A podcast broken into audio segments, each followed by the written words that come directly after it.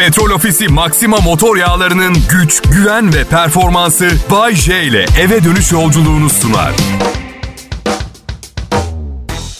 Selam milletim ben Bayece. Kral Pop Radyo'da sunduğum bu program sizin daha iyi vakit geçirmeniz için.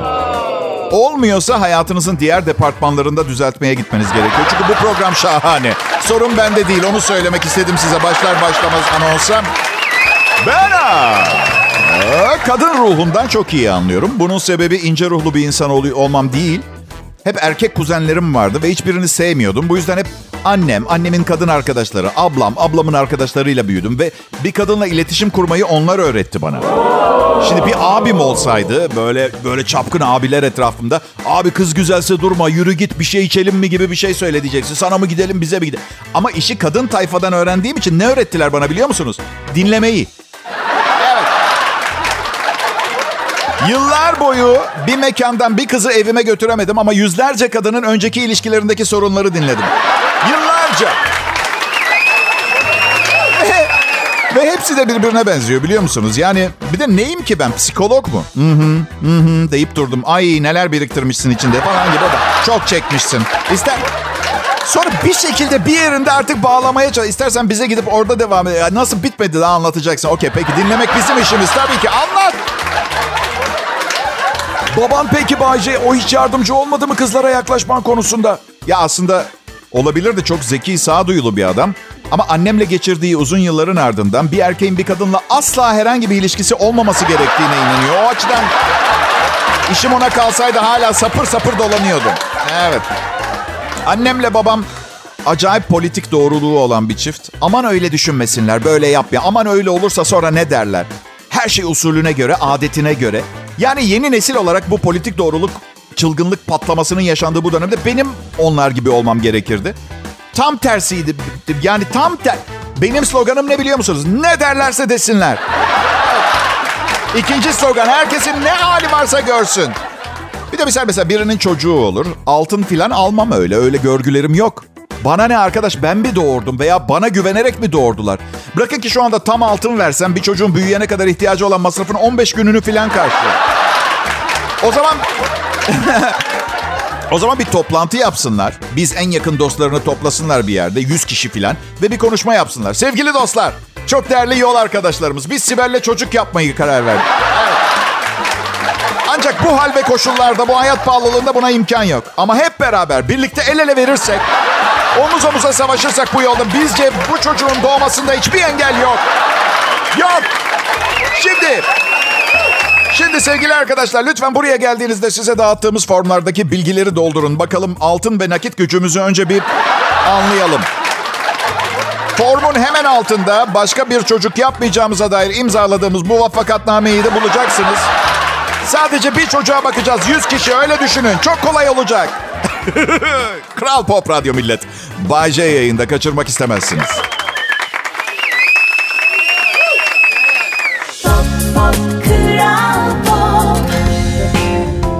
Selam milletim. Ben Bayce. Burası Kral Pop Radyo. Sizlere Bodrum'dan Bayce'nin evindeki Bayce stüdyolarından sesleniyorum. Bir çalışma masası küçük, bir bilgisayar ve bir mikrofondan oluşan ve sadece lafın gelişi çoğul olarak Bayce stüdyoları diye bahsi geçen stüdyo. Evin arka tarafında misafirler geldiği zaman yattığım balkona açılan 6 metrekarelik bir oda. Ama Size bir şey söyleyeyim mi? Ne zaman konforum artsa performansım düşüyor. Ki bunun psikolojisini anlamak çok zor olmasa gerek. Yani bu iğrenç küçük odadan kurtulmak için çok çalışmam gerekiyor. Abanayım psikolojisine. Anladın? Geçen yıl mesela Bodrum'a taşınmadan önce iki buçuk metrelik bir çalışma masam ve 15 metrekare bir odam vardı. Programlarım bu kadar iyi değildi. Bazısı böyledir. Kadir kıymet bilmez benim gibi. Evet. Ya oğlum çalıştın, başardın artık. Lüks çalışabilirsin. Hayır, benden başarı istiyorsanız sefaletimi bana geri vermeniz gerekiyor.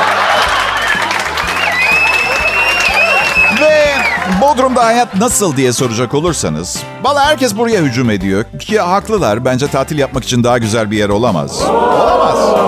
Güneş pırıl pırıl, deniz pırıl pırıl. Tek problem karım buraya geleli beri beni çok kıskanıyor. Çünkü bir gün, sadece bir gün güneşe çıksa- çıksam bronz oluyorum.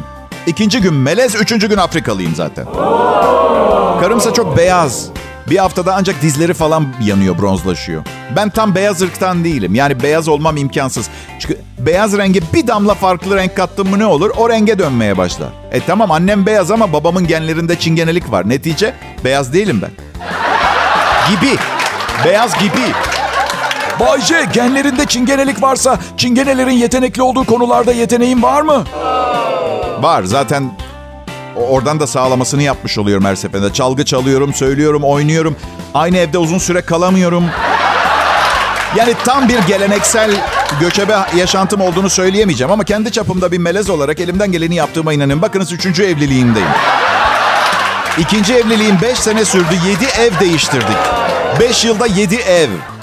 Bazen ilişki iyi gitmediği zaman mekan değiştirmenin faydalı olabileceği hissine kapılıyor insan. Problem şu aynı insanla giriyorsunuz yeni, aynı yeni mekana. Bazen sahneyi evet bazen de oyuncuları değiştirmek gerekiyor hayat. Ve burada en önemlisi oyuncuya oyuncu değişikliğini yeni oyuncuyu işe almadan önce haber vermek gerekiyor. Etik olarak doğru olan bu.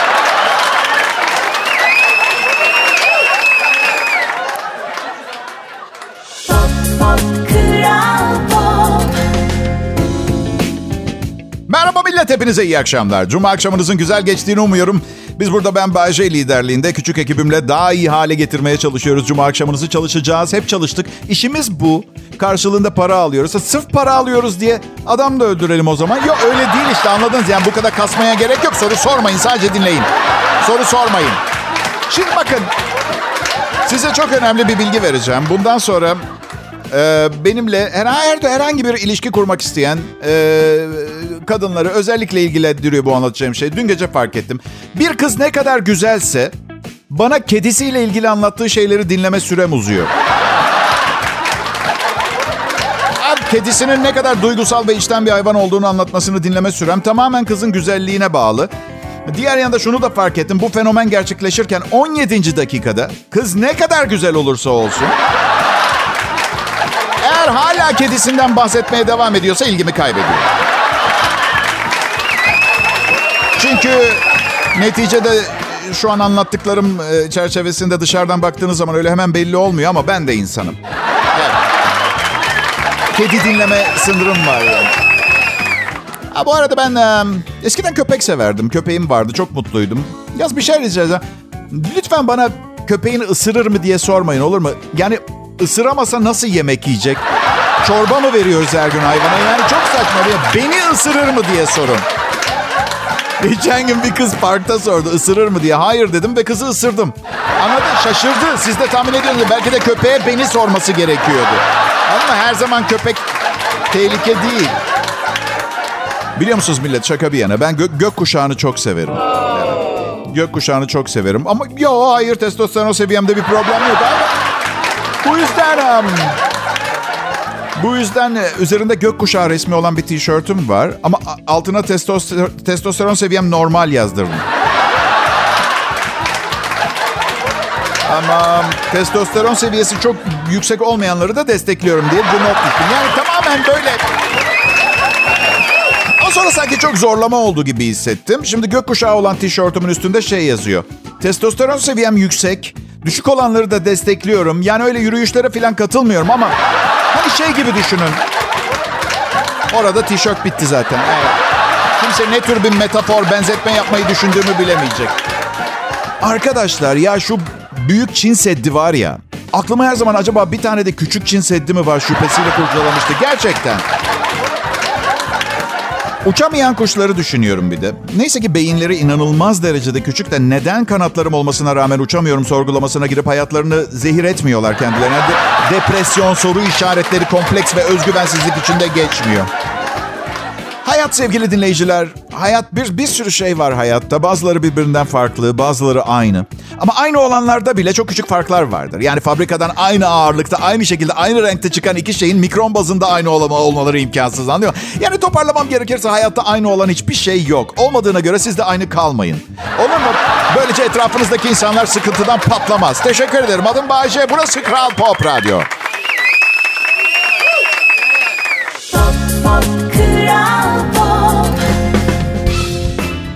İyi akşamlar milletim. Sizlere program sunmak her zaman büyük bir zevk. Ayrıcalıklı hissettiriyor bana. Bana verilmiş bir şans gibi. Kutsanmış hissediyorum. Şükürler olsun. Ha, maaşımı bin lira düşürsünler isyan çıkartırım ayrı. Yani, ama bu sizin değerinizi bilmediğimi gösterme. Sorun sizde değil ekonomide. Sizle hiçbir alakası yok. Siz çok tatlısınız. Çok teşekkür ederim dinlediğiniz için. Adım Bayece, Kral Pop Radyo'ya en zor zamanımda beni işe alıp kendilerine büyük bir iyilik yaptıkları için teşekkür etmek istiyorum. Ya, böyledir, böyledir. Bazen ticarette bir taraf mutlu olur, kazançlı çıkar. İki taraf birden işbirliğinden karlı çıkınca bizim bizde olduğu gibi mutluluk seviyesi artıyor. Öyle. Bakın ben Kral Grup'ta çok seviliyorum. Hiç sorun çıkartmam, işimi adam gibi yaparım. Disiplinli bir çalış- çalışanım. Arkadaşlarıma saygılıyım, seviyorum ve iyi davranırım onlara. Tek angaryan bu şirkette. İkide bir daha çok para verin diyorum, tamam mı? Bu. Hepsi bu. Alıştılar ama artık hale almıyorlar. Bu da böyle bir adam diyor. Ne yapalım? Evlat işte. Satsan satılmaz, atsan atılmaz. Böyle. Az önce az önceki anonsumda dibe vurmak kavramını konuşuyordum. E çok şükür hayatımda hiç dibe vurmadığımı fark ettim. Öyle. Yanlara filan çarptım, yan duvarlara, dağın dun ama dibe vurmadım. Babam sağ olsun. Yani benim dibe vurmam için babamın önce dibe vurması lazım. O da imkansız. Cimri insanlar dibe vurmuyor. Yani dürüst olayım. Hayatta eğer sadece babamı örnek alsaydım finansal olarak... ...hayatım boyunca hiçbir maddi sıkıntı yaşamazdım ama yapmadım. Neden yapmadım? Tamamen psikolojik bir mesele. Yani egom çok fazla, egom çok yüksek. Bir yanım çok şişinmemem için bastırıyor sanırım sürekli. Yani çok egolu biriyim. Fazla kasılmayayım diye dibe doğru itiyor beni içgüdüsel olarak sanırım. Bir, bir şey, kafamın bir yerinde bir şey. Yani bir dönem hayatımda böyle 6 ayda bir Bodrum'da yazlık alabilecek para kazanıyordum millet. Nerede peki para diye soracaksınız? Muhtelif yerlerde. Büyük bir kısmı Las Vegas'ta. Yine kayda değer bir kısmı düğün, doğum, nafaka şeklinde eridi. Tabii paramı elip, al, alıp evimi vermeyen müteahhit, para, parayı zimmetine geçiren ortağımı da yabana atmamak lazım. İyi çalışmalar çıkarttılar. Kalanını da, kalanını da akıl sağlığımı korumak için seksek oynamaya harcadım. O da ne ki Bayce? Alemlere sekmeye. Seksek. Çok fazla anlam ve içerik taşıyor. Ee, tamamını ulusal yayın yapan iffetli bir radyo frekansında anlatmama imkan yok. Bir gün yazmaya niyetim var. Hatıra kitabımda okursunuz detayları. Ben öldükten sonra yayınlanması için vasiyet bırakacağım. Çünkü hayattayken 1500'ü aşkın polemikle uğraşamayacağım arkadaşlar. Kitabın adı ne olacak Bayce?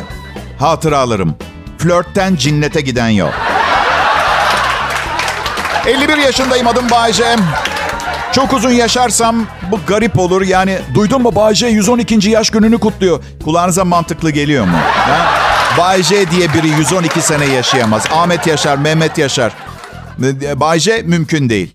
Adını değiştir Bayce o zaman. Okey okay, tamam misal Roberto yaptım adımı. Tamam süper bravo. Şak şak şak alkışlar. E biliyorum ben hala Bayce olduğumu biliyorum yine ölürüm. Peki neyse hadi. Hayattayken tadını çıkartalım. Dün geçti, geleceğin geleceği belli değil. Bugünümüz var. Hoppa Brazil. La la la la la la la la. La la la la la la la la. La la la la la la la la. Brazil, Brazil, Brazil, Brazil.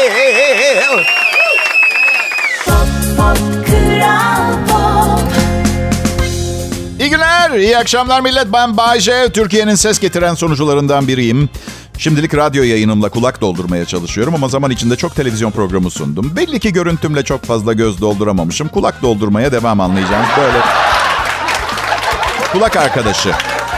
Şaka bir yana yani gözüm çok yüksekte olsaydı kovalardım televizyonda yeni bir şeyler daha sunayım meselesini ama kazandığım bana yetiyor. Yani radyo maaşım artı her ay babamın yolladığı 45 bin lirayla rahat rahat geçiniyoruz karımla. Evet. Bodrum'da konserlerim devam ediyor. En lüks ve en iyi hizmet veren otellerden birinde kocaman bir sahnede. Gerçekten bak gerçekten çok iyi müzik yapıyoruz. Bu arada çoğunluğu turistlerden oluşan bir kalabalığa şarkı söylemenin çok büyük bir avantajı var. Bir sonra sahneye çıktığınızda hiçbiri orada olmuyor. Yani aman inşallah memnun kalmışlardır endişesi biraz daha az. Ama tabii patrona karşı sorumluluk var. Elimizden geleni yapıyoruz. 17 yıllık orkestram. Yaşlandılar. Şimdi çoğu kel. Müzisyenliklerini etkilemiyor tabii ama insan ara sıra sahnede saçı olan birini görmek istiyor değil mi? Kellik çok acayip bir mesele. Şimdi mesela gitaristim kel ama süper kel değil. Yani kel kafasını iyice incelediğinizde istese rezalet görünümlü bir saç uzatabileceğini fark ediyorsunuz. Bateristim de kel. Davulcu kel biraz gayret gösterse ne bileyim arkadan öne tamamlayıp biraz da poposundan kesip yapıştırsa falan fena değil bir durumu olabilir.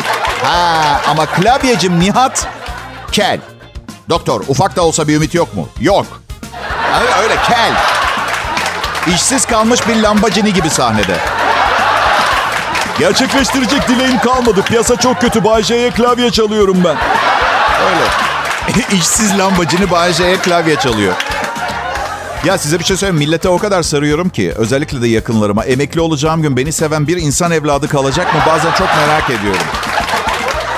Neyse. Talihsiz bedevi hikayesini anlatayım. Son sahnemiz geçen cumartesiydi. Dördüncü şarkıda yağmur başladı.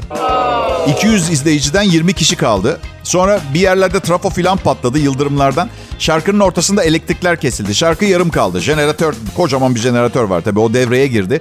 İki şarkı sonra gene kesildi. Çünkü her elektrikler geri geldiğinde jeneratör akımı kesiyor. Normal şebekeden gelen elektriğe dönüyor. O arada kesik, minicik bir kesinti oldu. Tekrar kesildi. Şarkı yarım kaldı. Jeneratör çalıştı. Baştan başladı. Bu şekilde 7 defa oldu arkadaşlar. Ama ben sahneden inmedim. Kulise de gitmedim. İzleyenlerle beraber kaldım. Neden biliyor musunuz? Çünkü sahne parasını peşin ödüyorlar. Bakın aldığımın karşılığını veremezsem gece rahat uyuyamıyorum ben millet. Peki Bayşe, radyoda da yaptığın işin karşılığını alabiliyor musun? Hiçbir radyo yaptığımın karşılığını bana ödeyemez. Çünkü bu program paha biçilmezdi.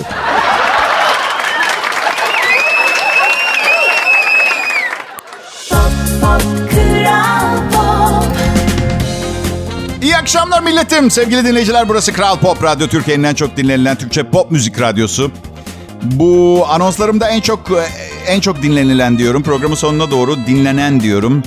İki harf eksik söylesem bile kardır mantığıyla. Çünkü hava çok sıcak. Yoruldukça daha vasat ve kötü sunuyorum bu programı. Çünkü 51 yaşındayım. Yani 20 yaşında bir genç gibi hoplayıp zıplayamıyorum. Dürüst olacağım. Yani 51 yaşında birinin de hoplayıp zıplamaya durumu vardır ama bütün hakkını bir radyo programında kullanırsa gece hayatına ne kalacak anladın? Eyvallah, eyvallah. Adım Bayece. Umarım güzel bir hafta geçirmişsinizdir ve hafta sonuna hazırsınızdır. Büyük şehirlerde yaşamak kolay değil. Bu kadar ünlü, zengin, yakışıklı ve havalı bir radyo şovmeni değilken İstanbul'da çok sıkıntı çektim. Evet. E ne var siz kendinize iltifat edemiyorsanız bana ne ha? Ben ediyorum. Milletime bırakacağım işimi. Tamam yani bir, bir Kenan İmirzalıoğlu değilim ama 20 sene önceki halime göre böyle People dergisinin dünyanın en yakışıklı 10 erkeği arasında falanım yani. Şimdi Bodrum'da yaşıyorum ama 50 sene yaşadım İstanbul'da yaklaşık. Neyse İstanbul'da bir süre işsizdim. Annemle babamla kalıyordum. Sonra babam terapiste yollamayı kesti beni bir faydası olmuyor diye. Hayır. Terapi, psikolog, baba parasıyla zorla gidilecek bir şey değil. Kendi kazandığınız parayla gidip canınız ne isterse yapabileceğiniz bir alan yaratmak olmalı kendinize. Anladın mı? Özgür dünya. Anlattığınız hiçbir şeyi kimseye anlatamaz. Kafadan atın, kafasını karıştırın. Önemli değil. İşte dün, dün, dün gece dört kadın, beş kapı ve ve inşaat ekipmanıyla otel suite'inde falan ne diyecek? Delisin, delisin sen mi diyecek? Ne diye diyemez. Diyemiyor. Benim psikoloğum mesela ben anlatırken sürekli şöyleydi.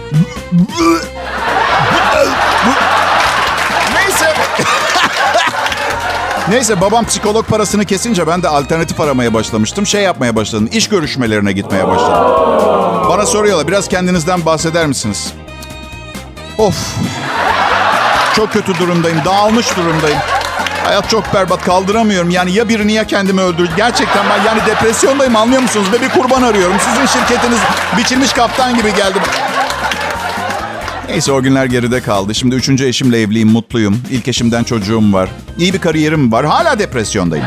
O o kadar uzun süre depresyonda kaldım ki depresyonsuz yaşamanın ne olduğunu bilmiyorum ve bilmek de istemiyorum. Artık bu yüzden beceremiyorum kurtulmayı. Önce paranın yardımcı olabileceğini düşündüm. Bu işte olmadı. Evlenip düzene girersem iyi olur diye düşündüm. Zaten olanları biliyorsunuz. Yani üçüncü evliliğe varana kadar neler yaşadığımı ben biliyorum. Çocuk sahibi oldum çocuklar harikadır diye. Aa, zaten evhamlı bir insandım. Şimdi evhamlanacak sürekli bir şeyim oldu. Sonra işte genç kızlarla çıktım, flört ettim falan. Yaşıtlarımı denedim. Daha iri, daha ufak, orta boy, piknik tip, piknik tüp, standart tüp, sanayi tipi tüp. Her şeyi denedim. Her şeyi. Hani böyle Hindistan'da falan böyle tepelerde bilgeler şey der ya mutluluk ve cevap senin içinde evladım diye. Belki de içeri bir yere bakmam lazım ama içeriği görmeniz lazım. Temizlikçi çağırsam 4 sene. En az, en az şah. Neyse şimdi Bodrum'da çok daha huzurlu, çok daha mutluyum. Sakin. Ee, kendime elit bir çevre kurdum. Evet. Benim gibi rezalet tiplerden oluşan elit bir çevre. Ama en, yani kendiniz gibilerle mutlu oluyorsunuz anladın mı? Aa, güzel bir tatile ihtiyacım var biliyor musunuz? Bodrum'da çok daraldım. Gerçekten. Vallahi yemin ediyorum ki vallahi yayın müdürümün talimatı bu. Bodrum'da yaşadığın için çatlat milleti Bay J dedi. Yemin ediyorum vallahi benim suçum değil. Sorun bende değil. Yayın müdürümde.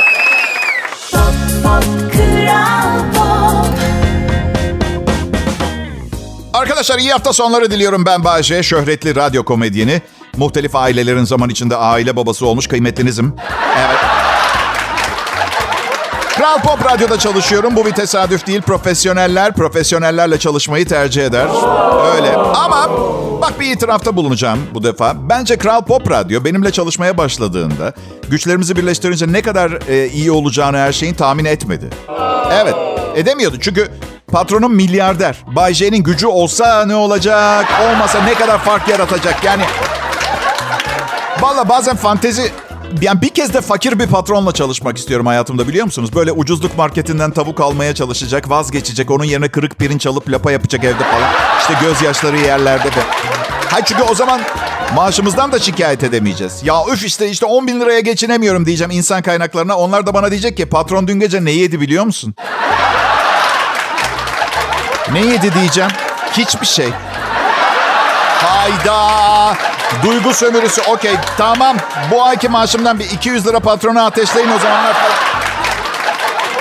Ama yok olmuyor. Yani özellikle bu meslek dalında fakir bir patronla çalışmana zaten... Sırf yayın stüdyosunu satsam bir buçuk milyon dolar filan eder yani öyle düşün. Düşünebiliyor musunuz? Yayın stüdyosu benim olsaymış demek mesleği bırakıyormuşum. Bayce, Ha canım. Bayce maaşın ne kadar? Birincisi ayıp sorulmaz. İkincisi bilsen de bir kuruşu bile sana geçmeyecek sana ne? Bu yüzden anladın mı? Maaşım az gelirse yazık çok da iyi program sunuyor deyip benim için üzüleceksin. Çoksa kıskanacaksın. İğrenç bir soru bu. Ne kadar maaş alıyorsun soru. İğrenç bir soru. Bir de medyada çalışan herkesin trilyoner olduğunu düşünen bir tayfa var. Ünlüyüz ya kesin zenginizdir diye. Arkadaşım sıcaktan kafayı yiyip soyunup Bağdat Caddesi'nde kendi donundan dondurma yiyip ortalıkta dolaşan adam da ünlü. Manşette resmi var ama meteliksiz. Bu nasıl yanlış bir mantık ya? Bir de ben maaşımın ne kadar olduğunun bilinmemesinden acayip memnunum. Çünkü bakın maaşını net olarak bildiğimiz insanlar var. Kim? Sporcular. İşte Hasan Hasan bizim takıma transfer olmuş. Yıllık 4,5 milyon euro alacakmış. Şimdi maaşı belli tamam mı? 78 milyon Türk lirası. Yok çok büyütmeyin. Dosya kağıdının paketi 100 lira oldu. Yok 78 milyon iyiymiş yine de. Peki. Şimdi maaşını biliyoruz ya. Örnek isim Hasan Hasan'ın. Her berbat oynadığında yuu 4,5 milyon euro başına devrilsin bu nasıl şut filan diyor. Ama benim maaşımı kimse bilmiyor. Kötü bir program sunduğum zaman karşılığı yok. Yani 3 bin liraya ancak bu kadar sunuyor diye düşünebilir insanlar. Mesela Mesela bilse insanlar misal 100 bin lira kazanıyorum ayda. Herkes haram olsun buna mı verdik bu parayı falan. İşte birincisi siz hiçbir şey ödemiyorsunuz. Buna vermediniz parayı. Ne bana ne 4,5 milyon euro alan sporcuya. Bu yüzden sporcuların da, show dünyasında çalışan insanların da e, fiziksel ve duygusal olarak zor zamanları olabileceğini, her gün her zaman aynı performansı veremeyeceği gerçeğini bir gözden geçirin derim. Ama ayıp yani 4,5 milyon euro sen topu havaya dik kalenin önünde haklısınız yani. Bak bana verecekler 4,5 milyon euro senelik maaş. Bak yemin ediyorum size mikrofonsuz sunarım programı. Bodrum'da konuşurum, Erzurum'dan duyarlar sesimi. Öyle güç çıkar.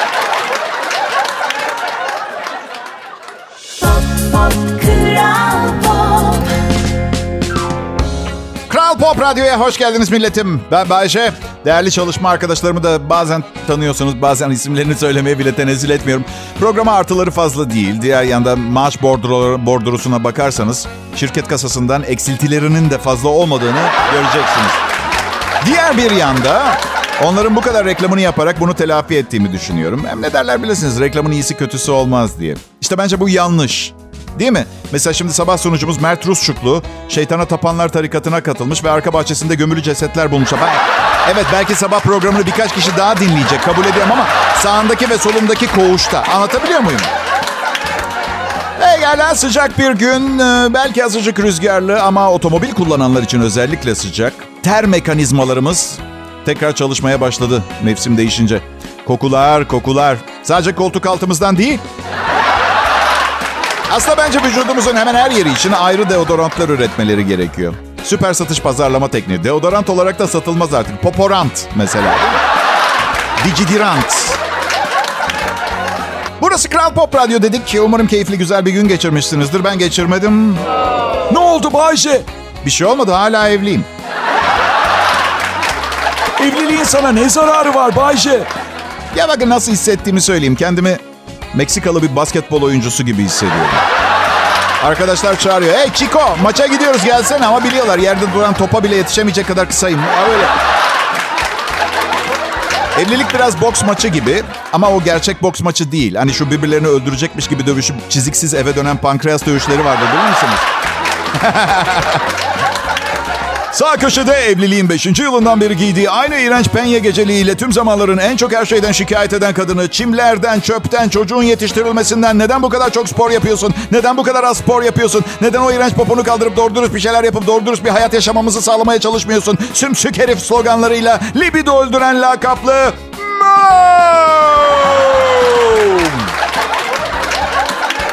Sol köşede ise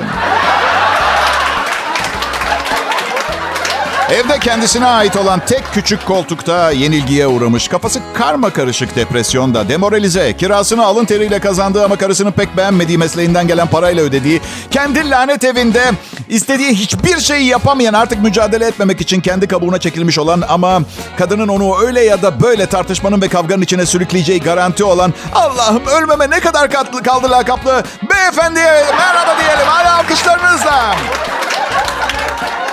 Bakma ya şimdi tabii ben anlatınca hemen hemen her şey komik duruyor ama yerinde ağır oluyor be. Gerçekten. Ee, Ama iyiyim hatırımı soracak olursanız. Yani neden şikayet edeyim ki? Çok şükür her şey iyi ya. İşimde başarılıyım. Baya baya komiyim. Ha bana sorarsanız kendi açımdan gülünç buluyorum durumumu. Çünkü yeteneklerimle şu ana kadar çok daha büyük işler başarmış olmam gerekirdi. Belki de gerekmezdi ama annem mutlaka her görüştüğümüzde bana aynı şeyleri söylüyor. Senin yerinde başkası olsaydı Şimdi yatları, katları,